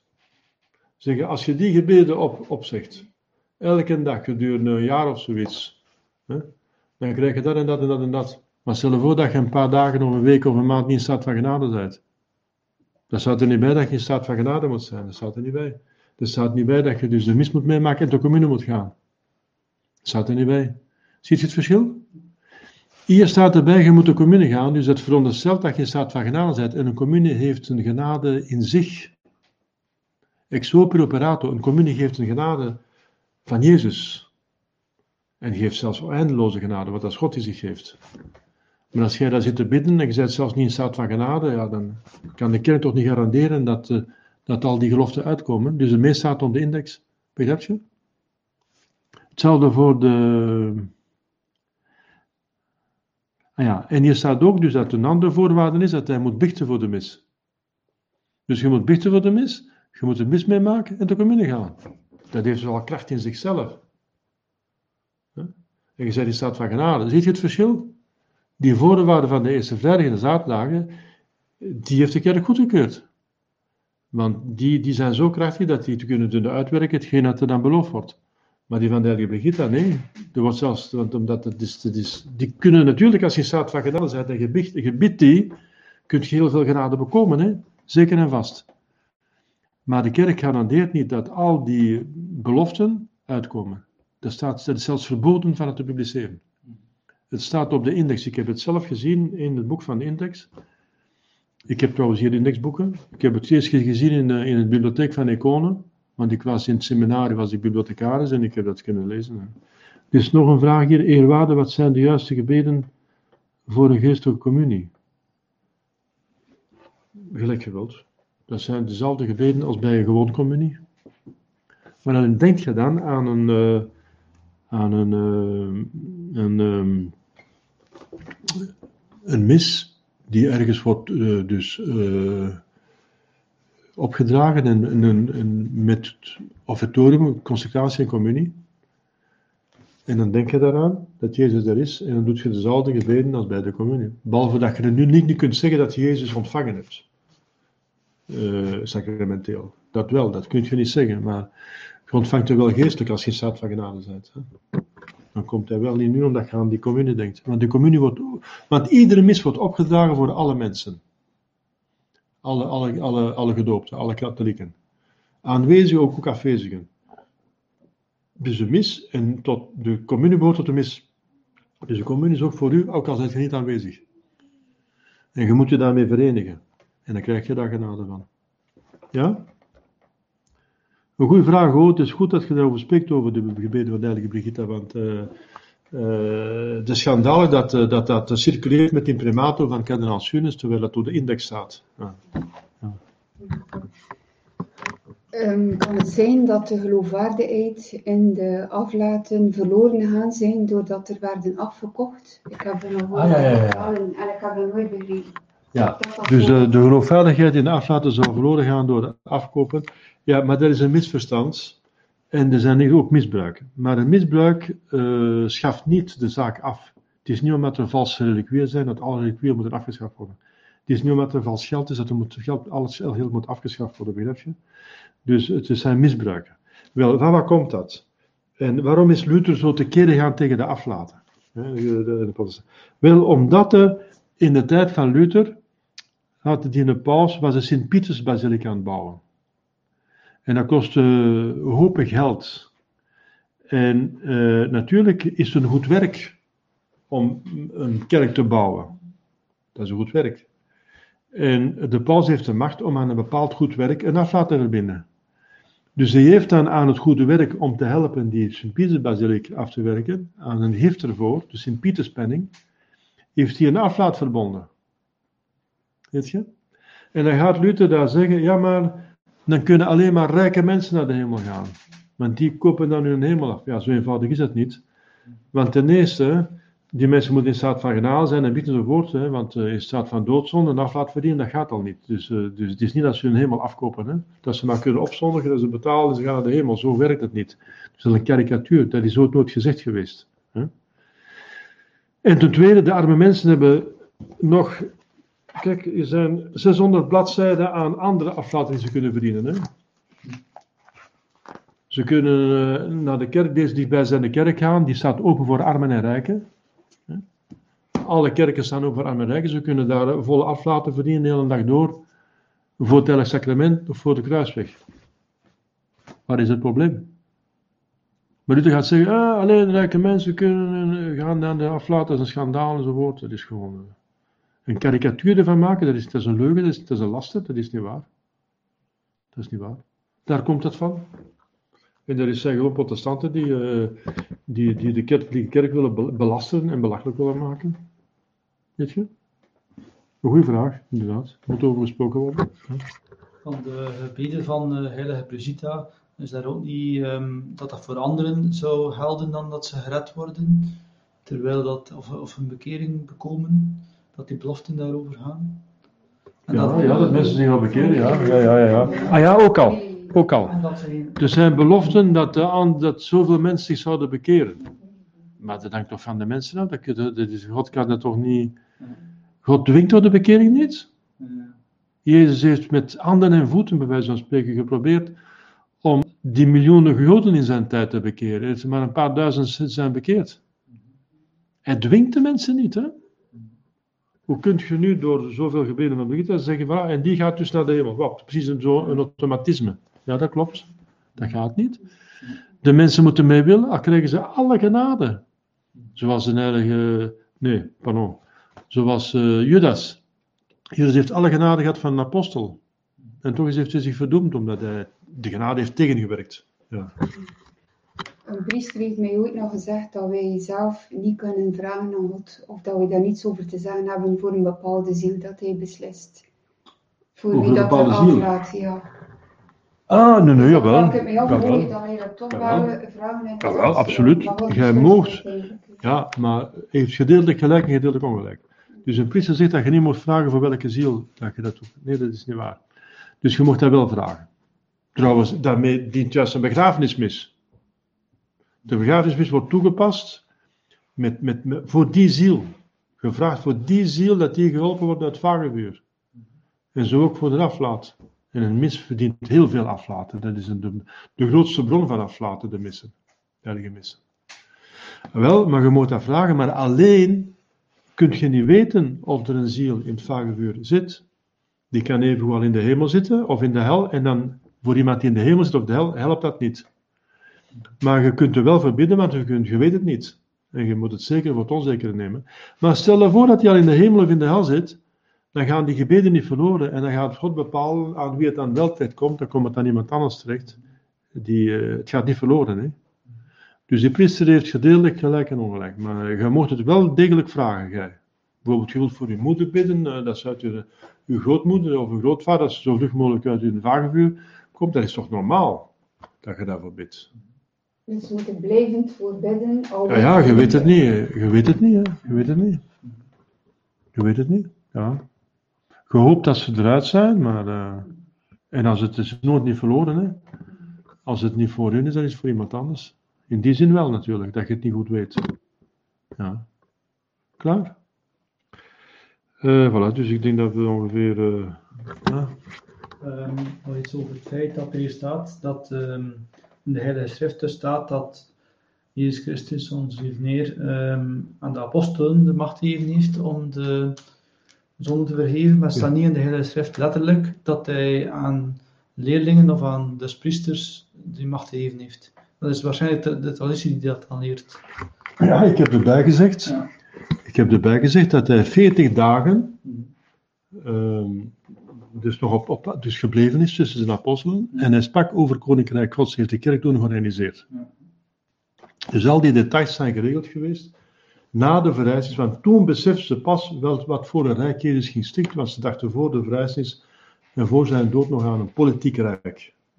Zeg, wanneer gaan we die, die Romeinen nu ver- verjagen? En wanneer word ik nu eerste minister en, eh, hè, en de andere minister van Buitenlandse Zaken en zo? Eh, eer- dus goede posities. Hè? Minister van Financiën. Eh, ze nog niet door. En pas nadien kon hij daarover spreken, want toen hebben ze het dus beter begrepen waar het over ging. En hij heeft toen allerlei dingen geregeld, want dat staat ook in de, in de catechismus van de Concilie van Trent. Daar staat erin bijvoorbeeld dat hij geregeld heeft dat er voor het vormsel specifiek olijfolie moet gebruikt worden en geen andere eh, olie, voor de geldigheid. Dus dat is Jezus geregeld tussen zijn verrijzenis en zijn hemelvaart. Hij heeft nog uitleg gegeven in details en dan moet het dan gebeurd zijn. Al die dingen die niet uitdrukkelijk in de Heilige Schrift staan, die staan wel in de traditie natuurlijk. Hè? En dat komt van Jezus en van de apostelen. Dat is een tweede eh, eh, manier om het te antwoorden. Het, staat, het, is, het is een dogma van het Concilie van Trente. En, eh, dat is over het priesterschap. Dat staat daarin.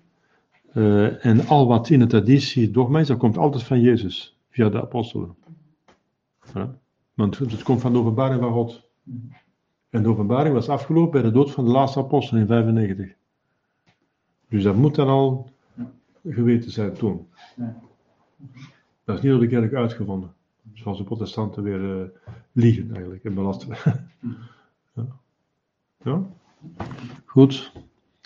Zo, ik denk dat we eh, rond zijn. Maar de vries van de zon is een heel belangrijke zaak. Want dat is inderdaad een hoofdzaak. De godsdienst bestaat hoofdzakelijk hiervoor. Hè? Dat we ons met God in orde stellen. Dat we in orde zijn met God. Dat we een toekomst hebben met God. Dat we naar de hemel gaan. In de naam van de Vader en de Zoon en de Heilige Geest. Amen. Wees gegroet, Maria, van genade, de Heer is met u gezegend. Zijt gij boven alle vrouwen en gezegend is de vrucht van uw lichaam, Jezus. Heilige Maria, Moeder Gods, bid voor ons arme zondaars, nu in het uur van onze dood. Amen. Heilige hart van Jezus, ontfermt over ons. Heilige Jozef, bid voor ons. Onze heilige patronen, bid voor ons. Onze heilige bewaarders, bid voor ons. Alle engelen, Gods lieve heiligen, bid voor ons. In naam van de Vader en de Zoon en de Heilige Geest. Amen. Tot de volgende keer, bid voor mij, ik bid voor jullie. Dank u.